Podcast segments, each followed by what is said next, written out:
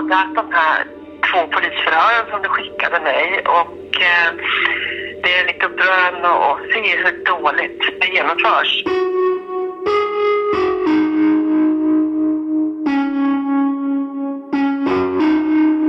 TV4-nyheterna 20 juli 2006. Livstids fängelse blev domen för den 47-årige man som i april mördade en 33-årig kvinna i Brandkärr i Nyköping inför ögonen på hennes åttaårige son. När tingsrätten dömer Sondo för mordet i Brandkärr 2006 gör man det främst på grund av vittnesmålet från den sjuåriga pojken som sett sin mamma dö och att trots sin ålder kunna uppge ett mycket trovärdigt vittnesmål gjorde att det blev livstidsfängelse. Vittnesmålet beskrivs av rätten som att det saknar motstridigheter. Men stämmer det verkligen? Om man plockar bort motstridigheterna så är det klart att då, då får du inga motstridigheter kvar, men det finns ju motstridigheter där. Och hur påverkades pojken av det som hände före förhöret? Mm, styrpappan kommer in och slår honom i ansiktet med, ja, ger honom ett par örfilar. Så. Det här sätter ju verkligen det här, de här förhören i ett helt annat ljus. Vi låter tre experter på barnförhör gå igenom hur polisen genomfört de två förhör som ligger till grund för domen mot Sondo. Det är väldigt, väldigt lite för en fällande dom om man tänker på så här ur barnförhörsperspektiv. Om du hade varit utpekad i det här förhöret, hur hade det känts att bli dömd på det här då? Hade du varit nöjd med den domen? Absolut inte. Absolut inte. Det här är Spår. Med Anton Berg. Och Martin Jonsson. Brandkärrsmordet. Avsnitt 3.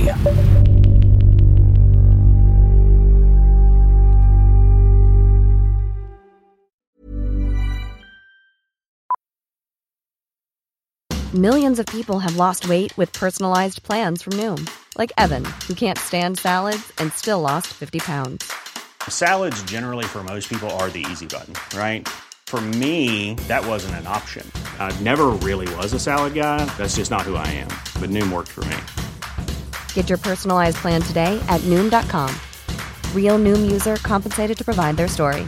In four weeks, the typical Noom user can expect to lose one to two pounds per week. Individual results may vary. Quality sleep is essential. That's why the Sleep Number Smart Bed is designed for your ever evolving sleep needs. Need a bed that's firmer or softer on either side? helps you sleep at a comfortable temperature? Sleep Number smart beds let you individualize your comfort so you sleep better together. JD Power ranks Sleep Number number 1 in customer satisfaction with mattresses purchased in-store. And now, save 50% on the Sleep Number limited edition smart bed for a limited time. For JD Power 2023 award information, visit jdpower.com/awards. Only at a Sleep Number store or sleepnumber.com.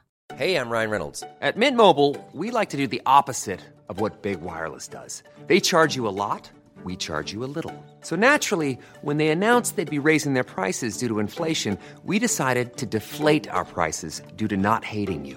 That's right. We're cutting the price of Mint Unlimited from $30 a month to just $15 a month. Give it a try at mintmobile.com slash switch. $45 upfront for three months plus taxes and fees. Promo for new customers for limited time. Unlimited more than 40 gigabytes per month. Slows. Full terms at mintmobile.com.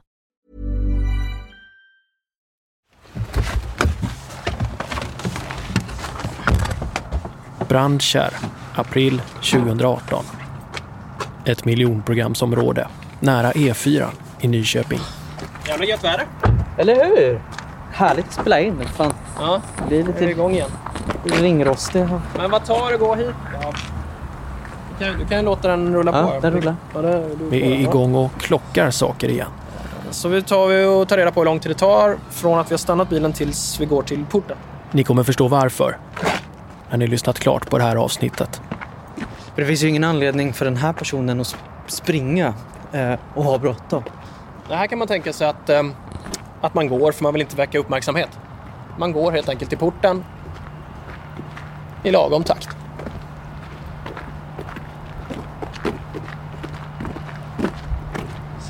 Där borta. För här, på Brandkärrsvägen 60, sker mordet fredagen den 21 april 2006. Enligt åklagaren ska pojken och mamman varit hemma i lägenheten på våning 3. En omaskerad man ska då ha kommit dit och börjat gräla med mamman Alla tre, mannen, mamman och pojken, ska ha befunnit sig i köket när mannen dragit fram en pistol. Skjutit mamman i bröstet och sen riktat pistolen mot pojken innan han lämnat lägenheten. Pojken ska då ha sprungit till sina kusiner som han kallar dem. Den familjen bor på Brandkärrsvägen 118. Ni som lyssnar via Acast ser en karta över området nu er spelar. När han är framme hos kusinerna på Brandkärrsvägen 118 så larmar han föräldrarna. Det är alltså styrpappans bror, som vi kallar Duck, och hans före detta fru, som vi kallar My. De två tar sin bil och åker tillbaka till pojkens lägenhet. Under tiden ringer de pojkens styrpappa, som vi kallar Tau. Duck och My tar sig upp för trapporna och in i lägenheten där de ser att mamman är död. Tillbaka nere på parkeringen utanför offrets lägenhet ringer de SOS. Och vilken våning är det på? På fyran. På fyran? Trean. Trean? Ja.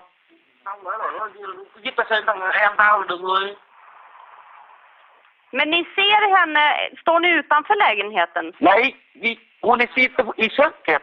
Hon sitter i köket? Ja, ja. hennes barn springer hos min syster och sen säger till, till min syster hon är död.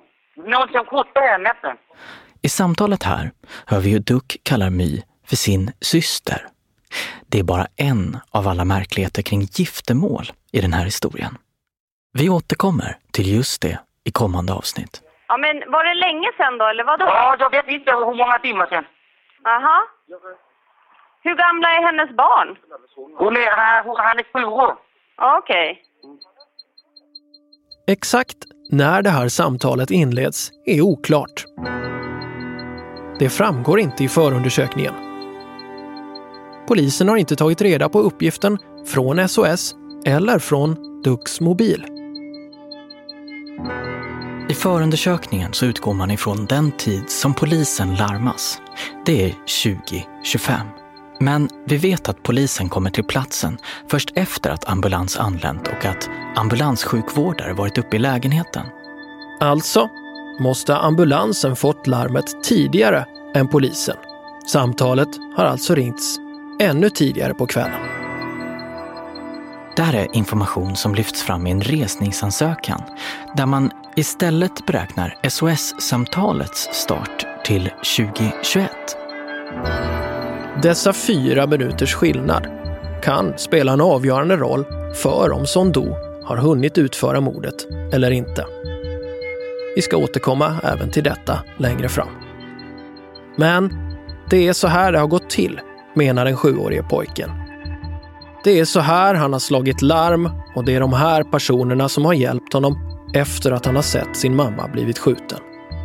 Och det är den här historien som han berättar om i två polisförhör och där pojken också pekar ut Sondo i en fotokonfrontation.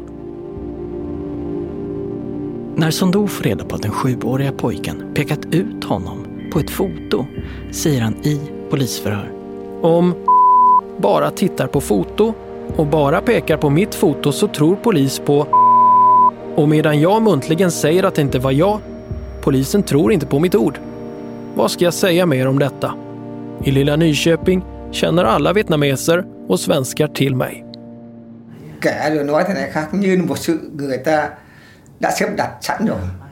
Pojken berättade, då, då tyckte jag att det inte det fanns inte någon sanning i det. Så ja, hur, hur kunde, kunde, kunde Eh, kommer det sig att eh, ja, en pojke som eh, fick sitta i samma rum, mamman blev skjuten, skjuten ihjäl. Så det var, varför kunde han sådär bete på det sättet? Bara berättade sådär ute som, som om ingenting har hänt, inget traumatiskt har hänt. Tingsrätten skriver i sin fällande dom citat, barnet framstår som mycket trovärdig. Med tanke på hans ålder kan hans berättelser karaktäriseras som klara, detaljrika, konsekventa och utan motstridigheter. Slutcitat. Men hur bra stämmer det när man går in och detaljstuderar vad som faktiskt sägs? Eftersom förhören med den sjuåriga pojken är så viktiga så kommer Spår att låta tre olika experter ge sin syn på hur den här delen av förundersökningen har skötts. Jag heter Ann-Kristin Cederborg och jag är professor vid barn och ungdomsvetenskapliga institutionen på Stockholms universitet. Ja, jag heter Sara Landström och jag är docent i psykologi vid psykologiska institutionen vid Göteborgs universitet. Ja, jag heter Julia Korkman och är docent i rättspsykologi vid Helsingfors universitet men äh, arbetar vid Åbo Akademi som är Finlands enda svenskspråkiga universitet. Barnförhör är känsliga. Ena anledningen är på grund av tillförlitligheten. Vad vet ett barn om vad som är sant och vad som är fantasi? Hur, hur man har litat på barns berättelser har ju skiftat genom åren. Alltså när jag började då fanns det ju två olika falanger det är också tror jag som gjorde att jag fick en hel del forskningspengar då. Alltså det var en, någon, en grupp som sa barn ljuger aldrig och en annan grupp som sa barn ljuger. Och i den här fåran försökte jag ju förstå vad, vad är det, hur ska man tolka barns berättelser? Det säger professor Ann-Kristin Cederborg. Jag har arbetat med i min forskning sedan 1997 kring polisförhör med barn. Det var Ann-Kristin Cederborg ni hörde tidigare i avsnittet som lämnade ett upprört meddelande på mobilsvaret. Det är lite upprörande att se hur dåligt det genomförs. Ann-Kristin Cederborg har läst utskrifterna av de två förhören med pojken och hon har kodat förhören, som hon säger. Ja, jag har ju då kodat eh, de här förhören utifrån de här kvalitetskriterierna. Om det är öppna frågor, invitationer, specifika frågor. Om de följer upp, om polisen här följer upp eh, det barnet tidigare har sagt. Och hur många då ledande frågor som ställs och suggestiva frågor som inte är de rekommenderade. Ibland behöver man ledande frågor för att få barnet att berätta vidare. Men suggestioner ska man aldrig hålla på med. Därför att det är så riskabelt för påverkan. Förhören som ligger utskrivna på Ann-Kristin Cederborgs skrivbord är fulla med anteckningar där hon räknat till exempel antalet ledande frågor. Och, och det är det som blir så bekymmersamt i det här för jag hittar så otroligt många ledande frågor. Och även suggestioner. Och en begränsat antal, alltså en invitation på två förhör. Alltså berätta, förklara, beskriv. Så att strukturen är, är eh, bristfällig. Och frågeställningarna likaså. Samt det stora problemet då att de följer inte barnet. Så barnet får inte möjlighet att berätta eh, mer om det han tidigare har sagt. Skälet till att Ann-Kristin Cederborg inte fått se videoförhören är den andra anledningen till att barnförhör är känsliga. Barnet måste skyddas. Att vittna det är en pressande situation. Det är därför Sverige inte låter barn under 15 år vittna i rättssalar. Och därför är också polisen restriktiv med att lämna ut förhören. Så det, det vi erbjuder då är att man får komma till polishuset någonstans där vi kan komma överens om eh, och titta på det eh, på plats då. Vi kan alltså få se förhören, men då på en polisstation. Alltså får Ann-Kristin Cederborg nöja sig med att utgå från förhören i pappersform. Detsamma gäller Sara Landström. Eh, Jag har ganska lång erfarenhet av att läsa just förhör med barn och jobbar med forskning som relaterar till just barnförhör. Sara Landström har också bara fått se förhören i textform. Det här är hennes sammanfattning. Det du har i den här utredningen det är ju två förhör med barn som berättar att han som kom hem till dem heter Son och att mamma och pappa känner honom. Och han jobbar, var han jobbar och hur han ser ut. Så då får man ju ta, då får man ju bara gå på i sådana fall, är det här en tillräckligt stark bevisning i sig? Är det det då? Eh, jag skulle argumentera för att ett barnförhör var tillräckligt starkt i alla mål om sexuella övergrepp mot barn så skulle jag absolut säga nej för då räcker det aldrig. Då behövs det alltid stödbevisning för att styrka upp om barnet har blivit utsatt för sexuella övergrepp eller liknande. Att det, man kan absolut från olika domar se tingsrätter och hovrätter resonera som att barnet ger en tillförlitlig utsaga, ett trovärdigt vittnesmål men det räcker inte för en fällande dom. Det är den vanligaste formuleringen som jag ser på när vi granskar domar, att det håller inte. Ett barns, barns utsaga håller inte. Det är ett jätteproblem när det kommer till just övergrepp mot barn. Eh, men i detta fall så har du ju ett barn som vittne och då gör man en annan bedömning. Så det kan man ju alltid resonera kring om barns, om det ska väga så tungt, ja men då ska du göra det i andra fall också. Men varför menar domstolarna i, i, i de målen du berättar om att det inte räcker med ett barns... Att det behövs stödbevisning som styrker upp barnets utsaga. Varför det då? Ja, därför att det är ju ord som står mot ord. Att hur ska vi kunna styrka ett åtal bara på grund av att ett barn säger någonting och en misstänkt säger någonting annat? Och då krävs det någonting mer som då styrker upp barnens berättelser. Är det rättssäkert då, detta? Den frågan. För, alltså, när det är sånt allvarligt brott som mord och det enda du har är ett utpekande från en sjuåring då ska man ju kunna kräva att det finns stödbevisning som styrker upp de här uppgifterna mm. för att det ska kunna anses vara rättssäkert. Så svaret är nej? Nej, svaret är får, får nog faktiskt bli nej från min sida för jag kan inte säga att just det här förhöret är så pass att han ger så pass klara uppgifter att det kan ligga till grund för en fällande dom om man ska titta på det liksom, liksom tillbaka i tiden. Men om man bara ska titta på det idag, med dagens liksom, mått mätt, så är det fortfarande bara två förhör med en sjuårig pojke som inte pratar speciellt bra svenska och som gång på gång eh, har svårt att uttrycka sig om ett scenario så skulle jag ju vilja ha mer. Så gör polisen en ny värdering. Vi får höra ett spår. Ni gör ju bra grejer. Så plötsligt får vi en kopia på båda videoförhören. Det här är alltså första gången en journalist, eller någon annan, fått ut det här materialet. Filmerna finns på en DVD-skiva. Den tittar jag på tillsammans med Julia Korkman. Merparten av min forskning har kretsat kring vittnesförhör och speciellt förhör med barn och utvärderingar av misstänkta fall av brott mot barn.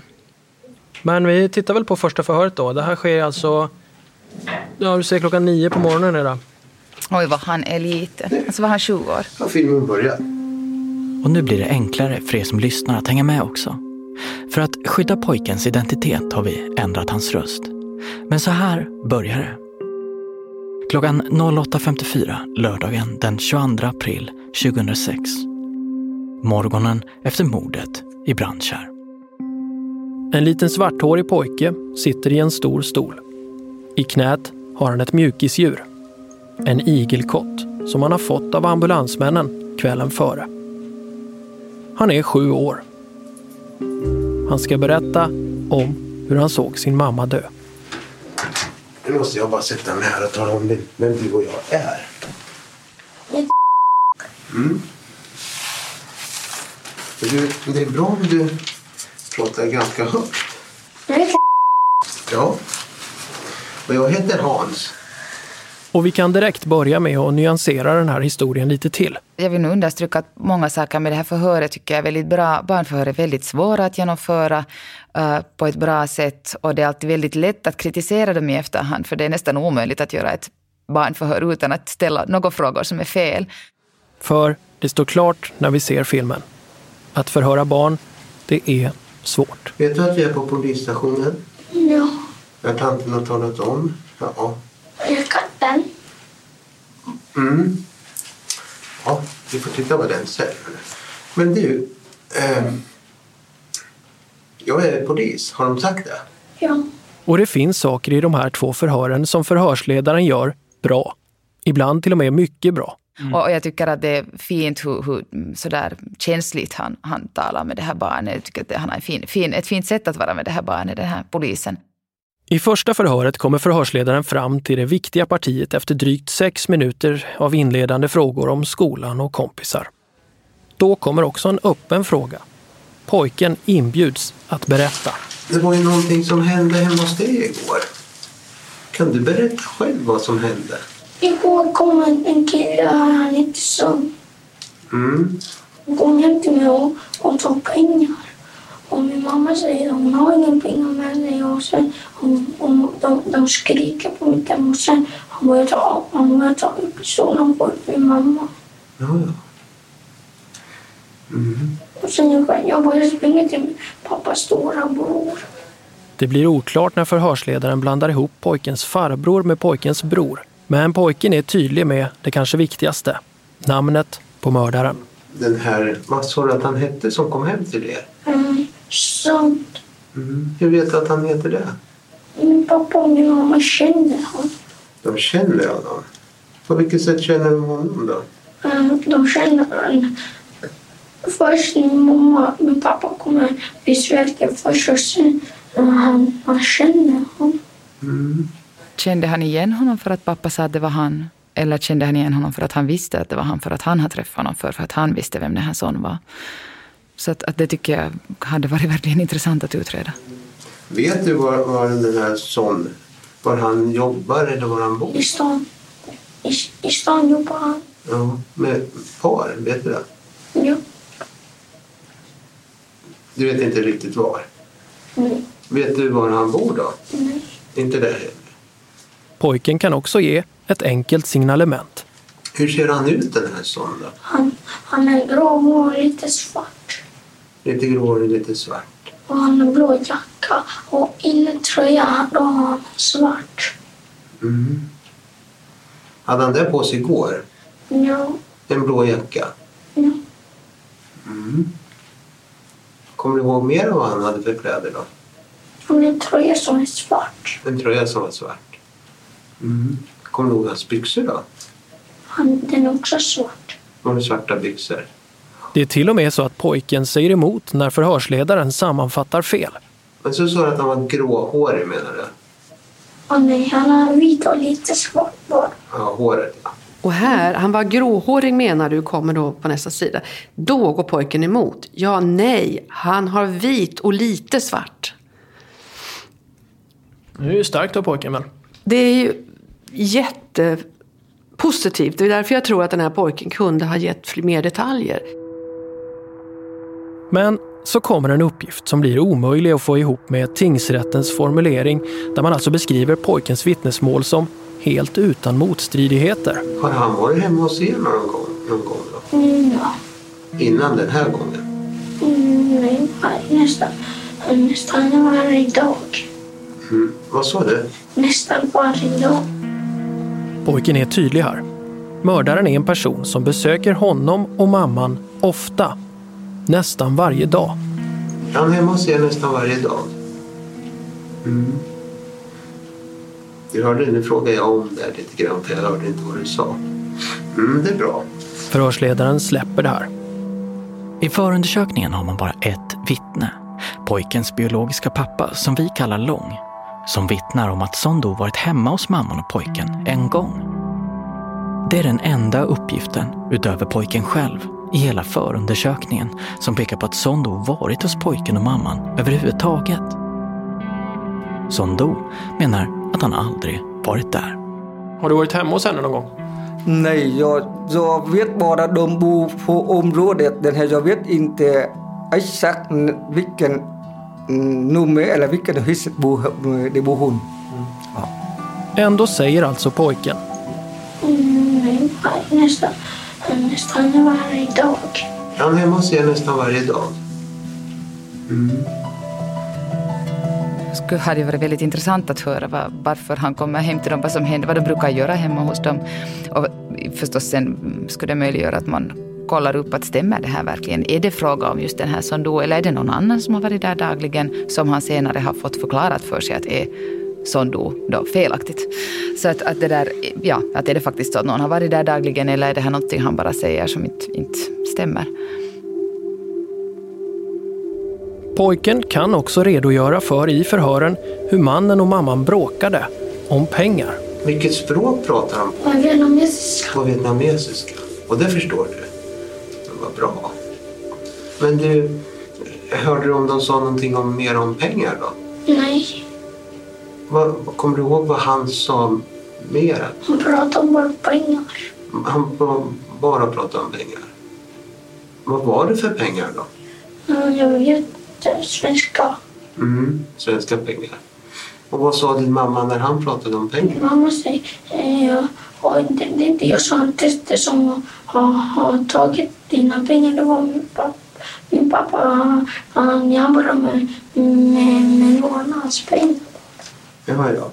Alltså din mamma, nu skriver jag lite.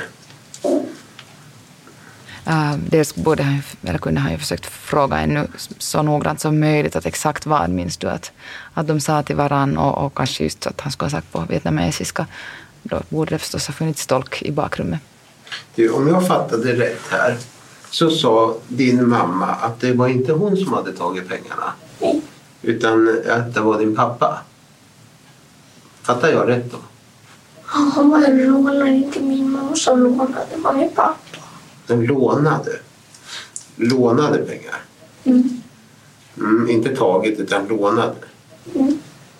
Det var inte din mamma som lånade pengar utan det var din pappa som hade lånat. Mm. Sa de något mera till varandra? Var var de någonstans i köket då? Och var på min kök bara. Mm. Mm, Nära balkongen. Nära balkongen. Sen får pojken frågor om vapnet.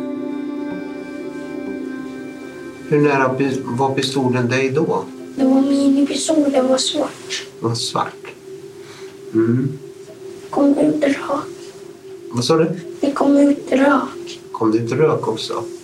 Kan du berätta mer om den här pistolen? Den är så här långt. Då kommer ännu en uppgift som är svårförenlig med domens formulering om ett vittnesmål utan motstridigheter. Men eh, kan du säga vilken hand han höll pistolen i? Den här handen. I höger? Mm.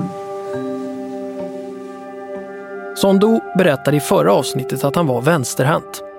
Men eftersom det finns lite tveksamheter i förhören, det finns ju uppgifter om att Sondo sagt att han även använder höger hand, Skulle du kunna rita? Vì testar jag vilken hand Sondo verkligen använder. Sondo skissade upp en enkel ritning av garaget med sin... Tidigare här så bad jag dig rita på kartan där. Kommer du ihåg vilken hand du använde?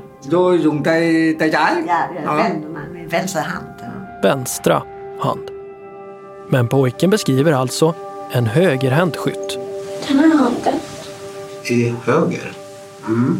Har man klargjort, för då säger han, ja då var det höger hand, säger Mm. förhörsledaren då. Mm. Har man klargjort att ett, vet barnet vad höger och vänster är och två, har barnet sett det utifrån sitt perspektiv hur han tittar på en hand eller är det verkligen den handen?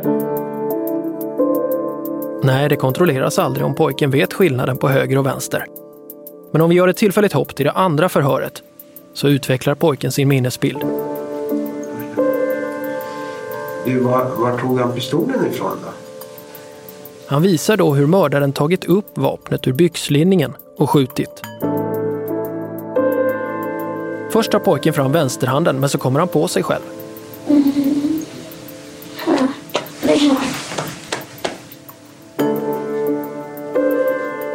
Nej, det var höger hand. I byxan? Hade han den i byxan? Ja, ja. Det är till och med så att han rättar förhörsledaren när denne tror att mördaren hade pistolen i fickan. Jag förstår. Men han tog upp pistolen ur fickan. Vet du var den låg? Den nära fickan. I den fickan? Ja, den. Innanför byxorna där? Om man menar att pojken är tydlig i sitt utpekande av Sondo, då måste man också säga att han är lika tydlig här när han visar hur pistolen drogs och sen avfyras.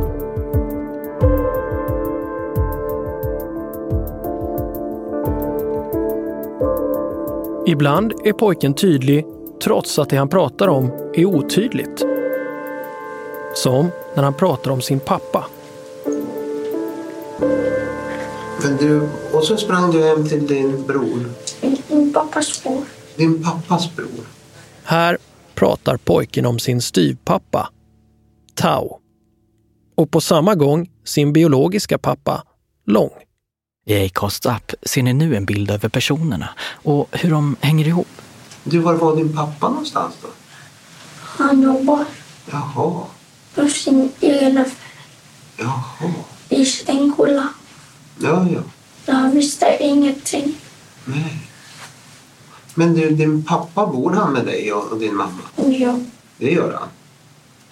Ja, då förstår jag. Det är styvpappan Tao som jobbar och inte är hemma. Det är styvpappans bror, Duck, som pojken springer till. Men det är pojkens biologiska pappa, Lång, som pojken säger att han bor med. Det är ju Lång som påstår att han har kommit tillbaka och nu bor med pojken och pojkens mamma. Och jag tänker nog då man läser igenom den här, de här två förhörsprotokollen att det är ju en rätt knapphändig skildring och den innehåller ju nog uh, detaljer som inte riktigt överensstämmer med varandra. Så att man nu skulle beskriva den som klar och detaljrik och konsekvent och utan motstridigheter tänker jag nog att det är en väldigt uh, optimistisk tolkning av den här, de, de här vittnesförhören. Vi börjar närma oss slutet på första förhöret och förhörsledaren sammanfattar. Så den här eh, Son, honom har du varit hemma hos och han har varit hemma hos er ofta? Nästan varje dag? Och när han kom dit så gick han in bara eller ringde han på dörren? Plingade först på dörren. Och vem var det som öppnade? Min mamma. Ja. Och vad hände sen då? Sen de pratade på engelska med och sen då, de, de bråkade och sen de hade pistol och sköt min mamma på en gång. Mm. Men du, när de bråkade, vad gjorde de då? Och skrikte, de pratade högt, jättehögt. Mm. Men då var de alltså i köket? Ja. Mm. Jo, då ska vi lämna det då. Men eh, då har jag fattat. Och sen... Det kom igen över ryggen. Vad sa du?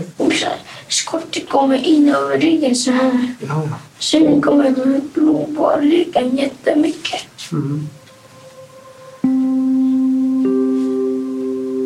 Vill du prata mer om det nu? Vill du det? Nej, då lämnar vi det. Det måste ha varit en traumatisk upplevelse som han ska berätta om. Det måste ju vara en jättestor utmaning för en, en polis att göra ett sånt här för. Absolut, och det är, det, det är svårt. Det måste man ju säga. Så han kanske balanserar här mellan att vara, eh, få fram information och att ta hänsyn till pojken.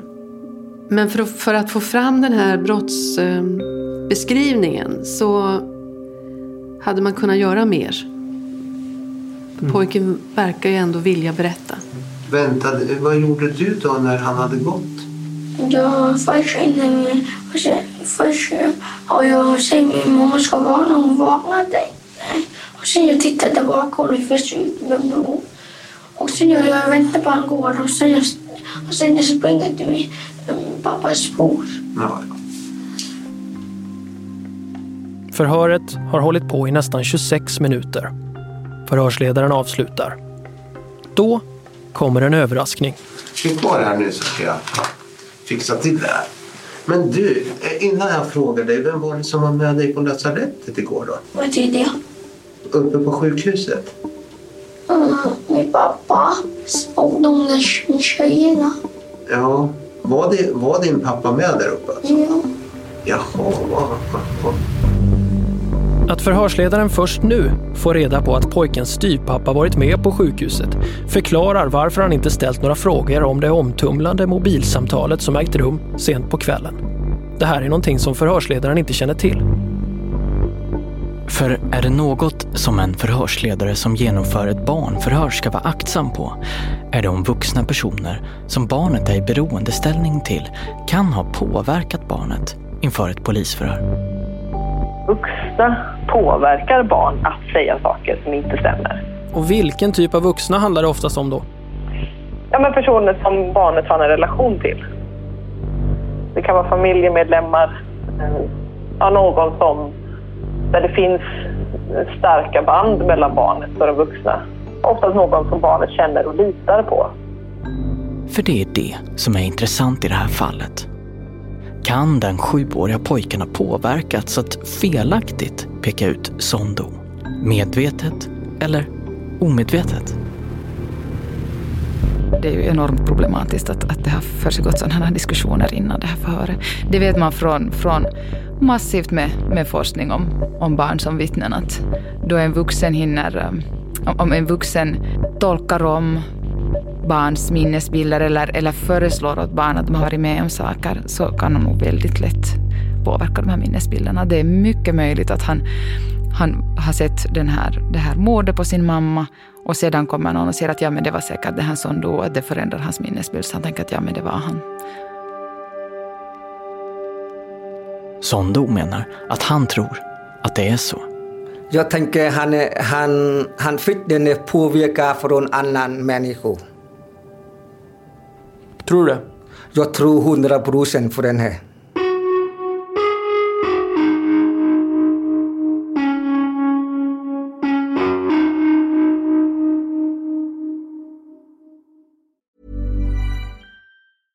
Selling a little or a lot? Shopify helps you do your thing however you cha-ching. Shopify is the global commerce platform that helps you sell at every stage of your business. From the launch your online shop stage to the first real life store stage, all the way to the did we just hit a million orders stage. Shopify is there to help you grow. Shopify helps you turn browsers into buyers with the internet's best converting checkout. 36% better on average compared to other leading commerce platforms because businesses that grow grow with Shopify. Get a $1 per month trial period at Shopify.com slash work. Shopify.com slash work. Quality sleep is essential. That's why the Sleep Number Smart Bed is designed for your ever-evolving sleep needs. Need a bed that's firmer or softer on either side? Helps you sleep at a comfortable temperature? Sleep Number Smart Beds let you individualize your comfort so you sleep better together. JD Power ranks Sleep Number number 1 in customer satisfaction with mattresses purchased in-store. And now, save 50% on the Sleep Number limited edition Smart Bed for a limited time. For JD Power 2023 award information, visit jdpower.com/awards. Only at a Sleep Number store or sleepnumber.com. Ryan Reynolds here from Mint Mobile. With the price of just about everything going up during inflation, we thought we'd bring our prices down. So to help us, we brought in a reverse auctioneer, which is apparently a thing. Mint Mobile unlimited premium wireless. Ready to get 30, 30, bit to get 30, bit to get 20, 20, 20, bit to get 20, 20, bit to get 15, 15, 15, 15 just 15 bucks a month. So, Give it a try at mintmobile.com slash switch. $45 upfront for three months plus taxes and fees. Promo for new customers for limited time. Unlimited more than 40 gigabytes per month. Slows. Full terms at mintmobile.com. Ska man spekulera så finns det ju massor med tillfällen där, han, där styrpappan kan påverka pojken. Det här är Ann-Marie Wallin. Ni kommer säkert ihåg henne från avsnitt två. Hon är vittne och fältassistent. Eh, Så, så är det ju. Det går ju inte att komma ifrån. Eh, Allt från innan när vi kom till platsen i ambulansen, när han sprang ut och in i, på sjukhuset. Det, det, det är klart att det finns tillfällen för det. Det eh, går ju inte att ifrågasätta liksom. En tydlig situation som hon upplevde var ju när pojken sov i hennes knä. Mm, styrpappan kommer in I handen har mannen en mobiltelefon. och slår honom i ansiktet med, ja, ger honom ett par örfilar så. Eh, För att han ska vakna upp och ta telefon. Pojken får prata med vad styvpappan påstår är släktingar i England. Var det hårda örfilar? Alltså jag reagerar över örfil liksom. Det låter ju misshandel för mig. Ja men daskar, jag vet inte. Ehm, Man kan ju också väcka någon. Oj, han har svimmat och nu ska jag... Ja, Alltså, hur- hårdare än så. Det var hårdare, Ja. ja. det var liksom så att jag reagerade i och med att jag satt med honom i... Jag hade ju hans huvud i mitt knä liksom. Och så kommer han och liksom... Eh, ja men daskar till honom på ett sätt som jag inte eh, kan tycka är okej. Såg du till honom då eller? Ja, absolut. Och det var ju så här, men vad, vad, gör du liksom sådär? Det, var ju- och det vart ju överhuvudtaget, han var så, det var ju efter det någonstans att vi körde, liksom, han fick inte vara kvar inne i rummet för han var så på liksom. Eftersom ingen av experterna fått läsa hela förundersökningen innan de gått igenom förhören vet de inte heller om den här scenen som utspelade sig på sjukhuset. Det blir spår som får avslöja den här detaljen. Så här reagerar professor Ann-Kristin Cederborg, Ja, det är ju upprörande. docent Sara Landström Och då är det anmärkningsvärt att det inte tas upp. och docent Julia Korkman. Det här sätter ju verkligen det här, de här förhören i ett helt annat ljus. För att nu är det ett faktum att där har en annan person, en vuxen person, hunnit påverka det han säger. Det är omöjligt i ett senare skede att bedöma utan sån här dokumentation av, det första, av, av det här första, de här första diskussionerna. Ifall det är pojken själv eller den här låtsaspappan som har namngett förövaren.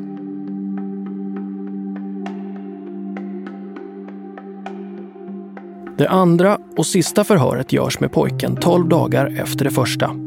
Men inte heller nu, trots att förhörsledaren alltså vet att pojken haft kontakt med sin styvpappa på sjukhuset och trots att tre olika vittnesmål om mobilsamtalet nu finns i förundersökningen. Alla tre förhören är dessutom gjorda av förhörsledaren själv.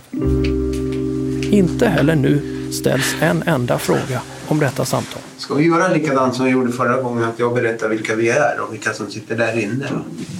Det gör jag. Och så kommer du ihåg att det är bra om du pratar högt. Direkt i inledningen får förhörsledaren dessutom veta att trots att pojken nu bott i ett jourhem så har han ändå haft kontakt med sin pappa mellan de två förhören. Vad gör du om dagarna nu för tiden då? Ja. Jag äter, spelar inte. Jag ringer till min pappa. Mm. Träffar min pappa. Ja. Det är bra om du har fingrarna där också. Och så I pratar skolan. Och i skolan också. Mm. det, den information som finns om den här, mm, både den här låtsaspappans agerande och, och det här telefonsamtalet är ju väldigt märkliga. Julia Korkman menar dessutom att det finns två uppgifter som ytterligare väcker frågor om huruvida någon kan ha påverkat pojken mellan förhören. Gällande var Son arbetar och, och hur hans hem ser ut, att här finns sådana saker som där han svarar väldigt tjänstvilligt på frågor, men de här svaren blir väldigt olika, de här olika förhören emellan. I första förhöret säger pojken så här om vad han vet om var Sondo jobbar. Vet du var, var den här son, var han jobbar eller var han bor? I stan. I, I stan jobbar han. Ja, med par, vet du det? Ja. Du vet inte riktigt var? Nej. I andra förhöret kan pojken berätta mer. Jag pizzerian är han byter. Jaha. De hade pizzeria men nu har de bytt. Kommer du ihåg var den här eh, pizzerian var någonstans då? Mm. Men det var en- nära någonstans. Inte ihåg. Nej, nej. Det här är en av de här andra mm, motstridigheterna, tänker jag. Så det här är ju nog problematiskt. Så du vet att, att, eh, han har haft en pizzeria men nu har han bytt? Mm. Är det någon som har sagt det till dig eller vet du det ändå? Jag vet det. Det vet du ja. Har du varit på båda ställena? Mm. Mm, då så. Och så tillbaka till första förhöret igen, för då säger pojken så här om vad han vet om var Sondo bor. Vet du var han bor då? Nej. Inte där heller. Har du varit hemma hos honom någon gång? Ja, en gång. Mm. Med pappa. Med, med pappa? Mm. Hör Du bor, bor så långt ifrån där du bor? Ja, jätte- Jättelångt. Kan man gå dit eller? man ska åka bil. Man måste åka bil. Ja. Kommer du ihåg hur huset ser ut där han bor? Då? Nej. Det gör du inte. I andra förhöret berättar pojken mycket mer. Hur såg det ut där han bodde? Den är gul. Sen om man går in där det finns en leopard. Han går in från en lekpark. Mm. Då förstår jag. Och huset, vilken färg var det på det? Ute. Mm. Det var också gul. Det var också gult. Men när man kom in där då i huset. Den är brun också. Mm. Man skulle nog vilja utesluta att han har fått den här informationen någon annanstans ifrån här emellan. Att nu blir det ju ett litet frågetecken då av att han inte kunde se det här i första före men kan se det i andra före. Klart allra mest tid i förhör två ägnas åt fotografier. Den här delen av förhören används sen som tunga argument i åklagarens häktningsyrkande. Chefsåklagare Anders Öjert han menar att pojken pekat ut Sondo med full säkerhet. Den här fotokonfrontationen har efteråt kritiserats hårt. Ni ska snart få veta varför. Alltså det enda jag, för förhören när jag tittar på dem det är att jag känner att det här är, det här är fel. Alltså det, detta är inte okej. Du känner det som polis också? Ja, ja, absolut. Det, det är inte okej. Det är inte okej, absolut inte. Det här är Peter Karlsson. Han är polis i Borås, men i fallet med Sondo har han jobbat på andra sidan. Jag var ju tvungen att säga upp mig från polisen för att ta det här jobbet. Jag fick inte ens tjänstledigt så att eh, myndighetsmässigt ser man det som en konflikt. Peter Karlsson är en intressant utredare. Han jobbade åt advokaten Thomas Magnusson i fallet Kaj Linna som vi berättade om i Spårs första säsong. Han har också arbetat som advokatens utredare i fallet Essa Teitinen. Både Teitinen och Linna har sedan friats via resning i Högsta domstolen. Och det här gör Peter Karlsson unik som utredare. Han menar att Sondo, där Peter Karlsson arbetade tillsammans med advokat Björn Hurtig, är en tredje person som borde frias. Han ska inte sitta där på de här premisserna, så enkelt är det. Tror du att han är oskyldig eller tror du att det bara är fel? Så att säga, om du fattar skillnaden. Jag tror att han är oskyldig. Finns det någon risk att du när du jobbar för en advokat som då alltså jobbar för en klient, att du så att säga ba, bara tittar på det som kan fria klienten? Ja, risken finns ju alltid. Det tror jag ju. Men eh, det är lite grann hur man är som person med, tror jag. Jag, jag, ju- jag och Björn hade ju en överenskommelse att, att eh, såg jag att någonting var galet och eh, alltså det, jag, jag inte kan stå för någonting, då, då behöver jag inte göra det. Jag vill ju jobba mot sanningen hela tiden och det var ju Björn ute efter också hela tiden. Att vi så att säga skulle följa klienten så länge vi kunde fram till det bevisade sig att han ljög för oss. Då fick vi ju liksom, då var han ju tvungen att ta sin roll men då behövde jag inte lägga ner så mycket jobb längre. Peter Karlsson är kritisk till att mobilsamtalet på sjukhuset inte tas upp i förhören. Och att man pratar svenska med en vietnamesisk sjuåring. Själva förhöret eh, är ju i sin del väldigt... Jag kan tycka att det är jobbigt att lyssna på det. För att eh, man pratar med en sån ung kille på, ett, eh, på, på svenska. Men i tingsrättens dom och som hovrätten sedan citerar så är det ju en berättelse utan motstridigheter. Ja, det beror på hur man ser det. Om man, om man, om man vill se det så, så är det ju så. Men jag tvivlar på att eh, det är sanningen som kommer fram riktigt där. Jag tror att stora delar av, av händelseförloppet är väl överensstämmande. Han visar mantelrörelse väldigt. Han visar pistolen hålls fram med sina händer och sånt där. De bitarna känns självupplevda på något sätt. Jag tror att han har bevittnat en skjutning, den här killen. Men jag tror inte att det är... Eh, jag tror man har planterat in något annat. Peter Karlsson menar att det går att se i förundersökningen hur polisen tidigt hamnat snett. De har matats med fel uppgifter som han sen svalt, menar Peter Karlsson.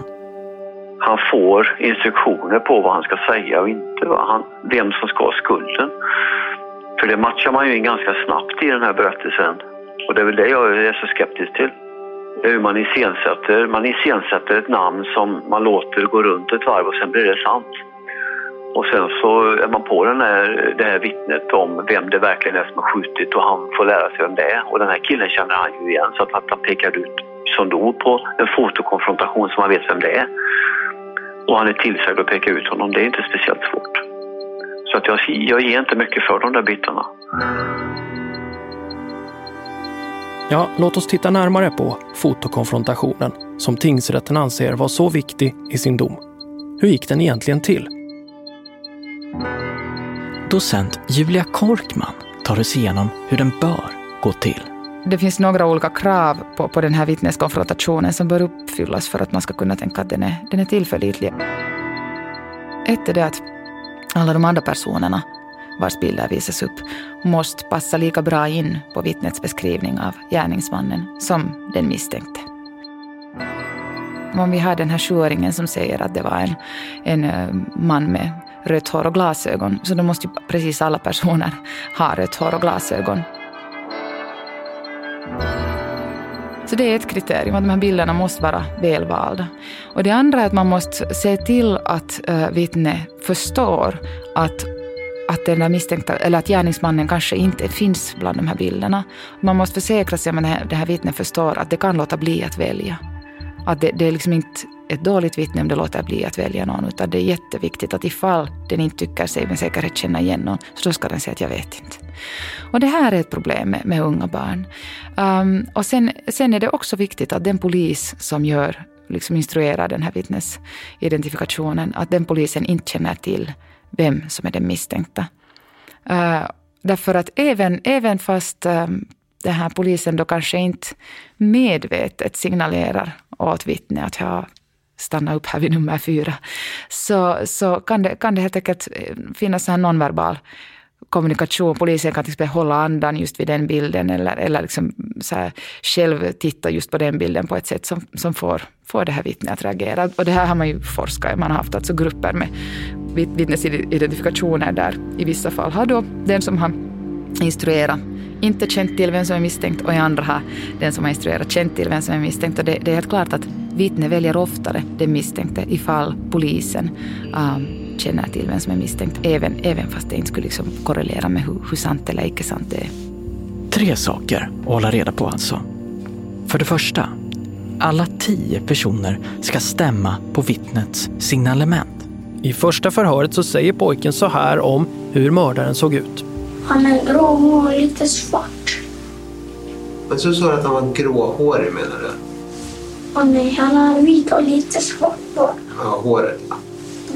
Men på de tio bilder som sen visas för pojken så har nio personer ändå svart hår. Det är bara en person som har grått hår. Men nu är det ju en som avviker väldigt tydligt och det är, det är just på basen av hårfärgen. Gissa vem? Av tio fotografier på män så är här en som passar den beskrivningen. Alla andra har svart hår. För det andra, det är viktigt att vittnet får veta att han kanske inte alls kommer se någon bild på mördaren. Det är tio personer och mördaren kanske inte ens är med. Vi lyssnar på instruktionerna som pojken får. Jag har några bilder här som jag tänkte att du skulle titta på. Det är de här som vi hade framme. Och ni föreställer olika personer, människor. Och det är bara farbröder. Vänta nu ska du se. Och då tittar du på de här och sen säger du om du, om här när det står en siffra. Så säger du om du skulle känna igen någon som är på kortet. Ta det nu väldigt, väldigt lugnt här. Nej, förhörsledaren ger aldrig instruktionen om att mördaren kanske inte alls är med på bilderna. Och så tredje regeln. Det är alltså tydligt i forskningen, menar Julia Korkman som är docent i rättspsykologi, att i de fallen där den polis som håller i vittneskonfrontationen själv vet vilket foto den misstänkte syns på. Där, i de fallen, pekar vittnet oftare ut just den personen.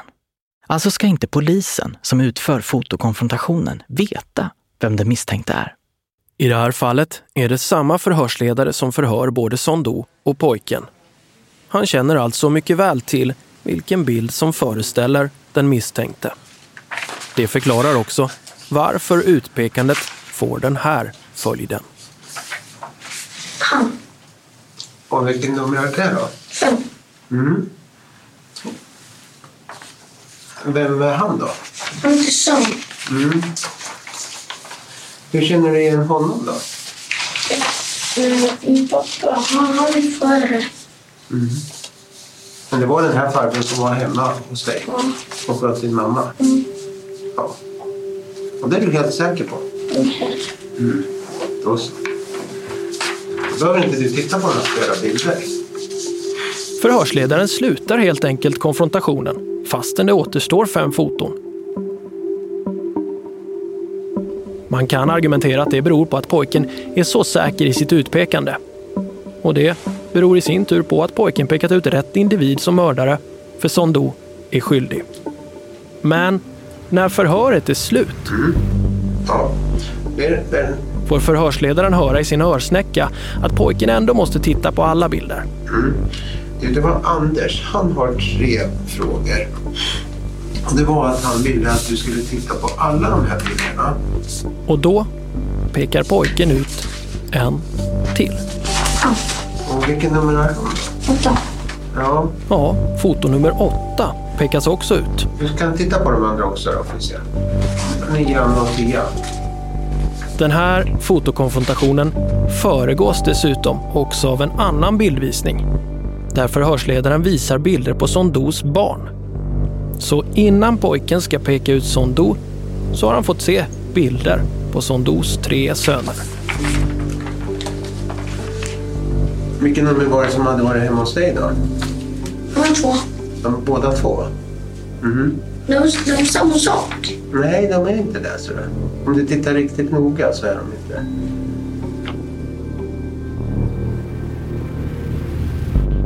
Jag har aldrig stött på det här förr, att man först pekar ut barn till den man vill ha en vittnesidentifikation på. Det är klart att de här ansiktsdragen uh, kan påminna en så mycket. Det kan, det kan liksom i sig öka uh, risken för att man väljer ut. Jag menar, till och med om han inte visste vem som dog, kanske, kanske han skulle känna igen de här dragen hos, på hans bild, så vi såg efter att ha sett hans barn. Men det är klart att om han visar hans barn och det här sjuåringen känner till som då och vet att det här är hans barn, så är det liksom ingen fråga om att han skulle välja någon annan än som dog när han, han får hela den här vittnesidentifikationen serverad för sig. Det är så du ser det, att han får det serverat för sig? Ja, ganska långt är det ju så. Kritiken mot fotokonfrontationen framfördes också i hovrätten av Sondos nya advokat, Thomas Olsson. Rätten menade att kritiken var rättmätig och korrekt. Fotokonfrontationen var bristfällig. Men man skrev ändå att kritiken inte har tillräcklig bärkraft för att omkullkasta eller ens i någon nämnvärd grad förringa bevisvärdet av nämnda utpekande. Detta främst med hänsyn till att sedan tidigare var väl bekant med Sondo, såväl till namn och utseende som i fråga om hans familjeförhållanden, arbete och bostad. Alltså, fotokonfrontationen spelade ingen roll, för pojken visste ju redan vem Sondo var. Lite längre ner i domen står det Hovrätten delar vidare tingsrättens bedömning att det i fråga om de uppgifter som har lämnat inte har framkommit några motstridigheter. Hovrätten menar därför att utpekandet av Sondo som gärningsman framstår som tillförlitligt. När det gäller motstridigheter menar alltså till exempel docent Julia Korkman att det absolut finns sådana i förhören. Gällande var Son arbetar och, och, hur hans hem ser ut, att här finns sådana saker som där han svarar väldigt tjänstvilligt på frågor, men de här svaren blir väldigt olika, de här olika förhören emellan. Och det är ju helt klara motstridigheter i så fall. Den slutsatsen drog alltså Julia Korkmans kollega Sara Landström också. Sara Landström menar att hovrätten gör fel när man beskriver pojkens berättelse som utan motstridigheter.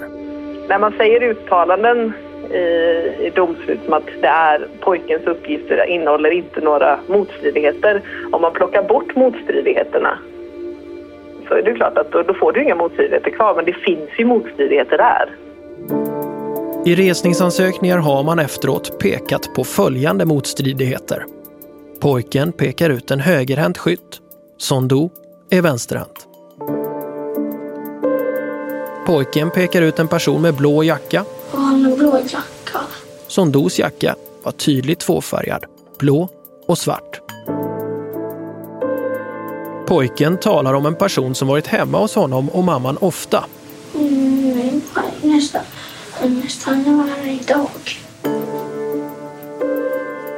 Sondo är inte knuten till adressen en enda gång. Förutom vid ett tillfälle, men då endast i ett påstående från pojkens biologiska pappa, som vi kallar Lång. Dessutom säger pojken att gärningsmannen hade mustasch. Han säger det när han pekar ut Sondo på sjukhuset inför den kvinnliga polisen. Sondo hade aldrig mustasch. Hans skäggstubb vid gripandet tidigt på morgonen omöjliggjorde det faktumet. Pojken säger att mördarens tröja var svart. En tröja som är svart. Den tröja som polisen beslagtar från Sondo är vit. Och när pojken visar hur mördaren tar fram sin pistol är han mycket tydlig. Pistolen dras fram från byxlinningen inte fickan. I byxan? Hade han den i byxan? Ja, ja. Men när polisen undersöker Sondos byxor och kalsonger hittar man då inga spår från varken krut eller vapenfett som kan binda Sondo till mordet. Och när det handlar om huruvida pojkens vittnesmål är tillförlitligt anser docent Sara Landström att rätten resonerar på fel sätt när man styrker pojkens vittnesmål med utsagor från biologiska pappan Long, styvpappan Tao, styvpappans bror Duck och så en man som fungerar som jourpappa. Alla dessa fyra män vittnar om hur trovärdig pojken är. Styvpappan citeras i tingsrättens dom när han säger att pojken ljuger aldrig. Han vet inte hur det går till. Och han är smart och duktig, han ljuger aldrig, han vet inte hur det går till. Och det ska man säga att en sjuåring vet hur man gör när man ljuger. Jag skulle säga att det är anmärkningsvärt om man inte vet hur han ljuger. Eh, men att ljuga är en sak, att bli tillsagd att säga någonting av en vuxen är en helt annan. Och rätten resonerar inte överhuvudtaget kring det här telefonsamtalet, Nej, man eller hur? resonerar inte kring den här påverkan som han har utsatts för innan och alla de personer han har pratat med innan det här förhöret. Vilket är betydligt mycket mer relevant för detta fallet än att säga att han, hur han är och pratar om saker och hur han är efter dådet, att han är klockren i sina uppfattningar, han är pigg och skärpt. Ja, det säger att han är en, en sjuårig pojke som snart fyller åtta. Det säger ingenting.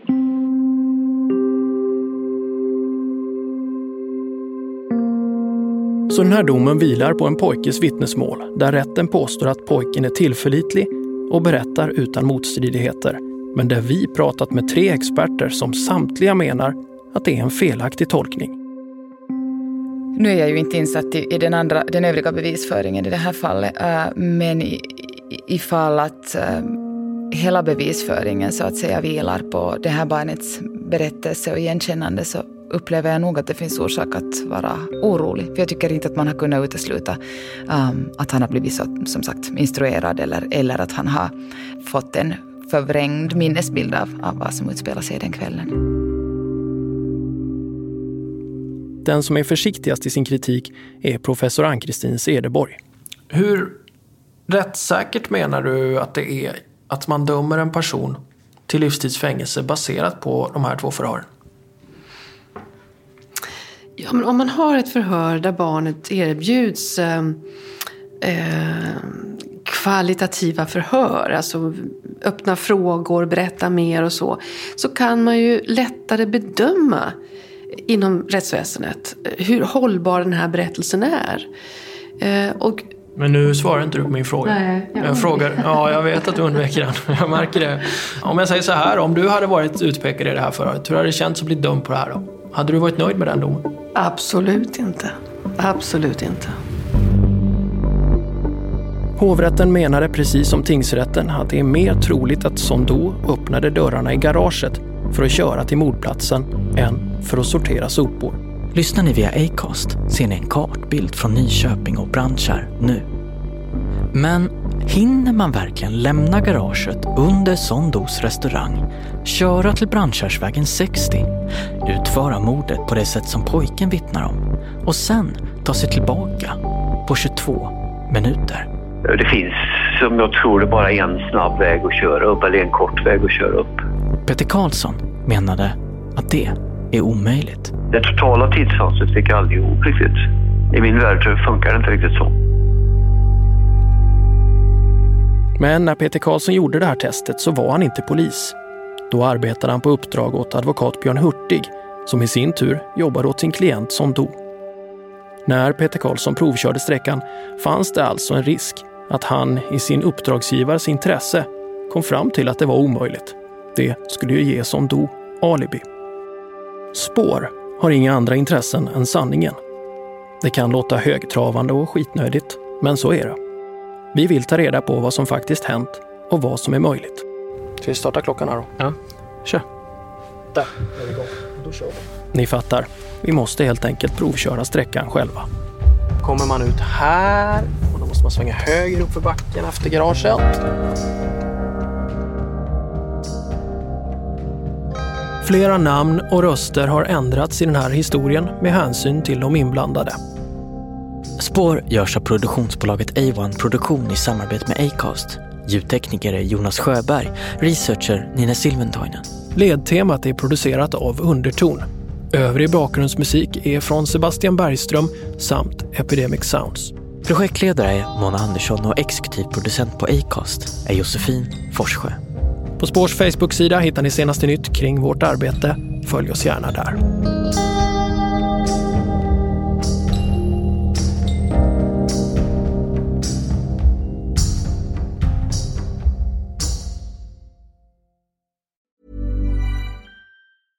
Hey, it's Paige DeSorbo from Giggly Squad. High quality fashion without the price tag. Say hello to Quince.